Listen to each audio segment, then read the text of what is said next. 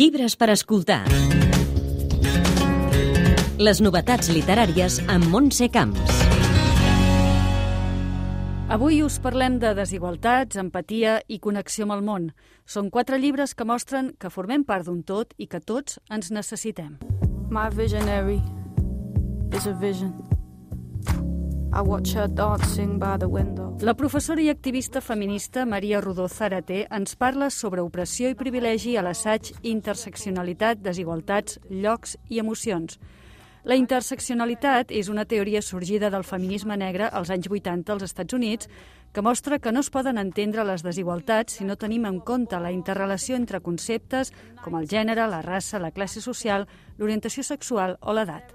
I en relació al feminisme ha servit per mostrar com el gènere ens afecta de forma molt diferent segons la nostra edat, origen o, o classe social.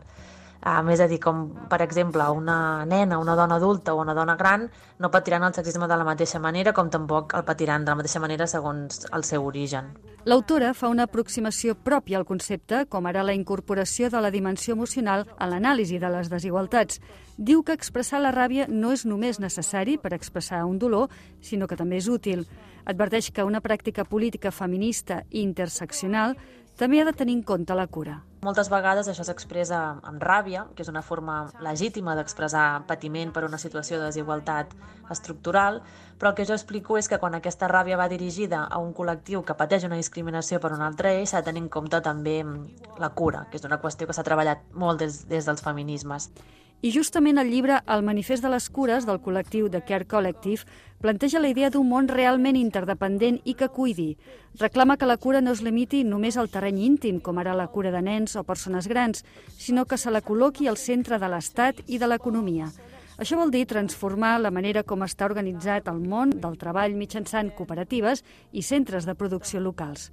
Els dos llibres els publica l'editorial Tigre de Paper. I want to live in a world where I can breathe the air and drink the water, they said. I don't want the sea to boil or the forest to burn. Kay Tempest és poeta, novel·lista, cantant de rap i escriu teatre. L'any passat va anunciar que es declarava persona de gènere no binari. L'editorial Més Llibres li publica l'assaig Connectar, amb traducció de Martí Sales, i segons explica l'editorial, és un crit de guerra que reivindica el poder de la connexió creativa com a antídot a un sistema egoista i autocomplaent. Tempest en parla així. Submergir-nos en les històries d'altres persones cultiva l'empatia. Quan llegim o escoltem el que ens expliquen, sempre que hi hagi prou tensió en la història, els nostres cervells alliberen cortisol a la sang perquè puguem enfocar i concentrar-nos-hi. I també oxitocina, la substància química relacionada amb la cura i l'empatia. Europe is lost, America lost, London lost. Still we are clamoring victory. Com funciona la ment i com es relaciona amb el nostre cos?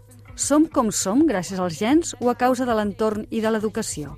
Els miratges de la certesa, la novel·lista i acadèmica Siri Hasbet fa un recorregut per les troballes científiques i els corrents filosòfics que han marcat la història de la humanitat. A partir de disciplines com la neurociència, la psiquiatria o la intel·ligència artificial, Hasbet convida a qüestionar el que creiem saber sobre nosaltres mateixos. Un assaig premiat i avalat per la crítica que publica Edicions 62 i Seix Barral. Tot des del seu afilat punt de vista marcat pel feminisme actiu, que la condueix a fer aquesta afirmació sobre el fet de llegir. You are literally possessed Quan llegeixes, literalment estàs posseït. I aquesta possessió té la possibilitat de canviar-te per sempre. Però has d'estar obert a això.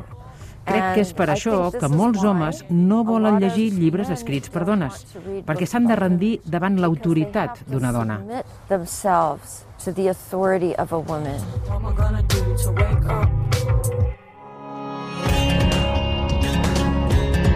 Llibres per escoltar. Les novetats literàries amb Montse Camps.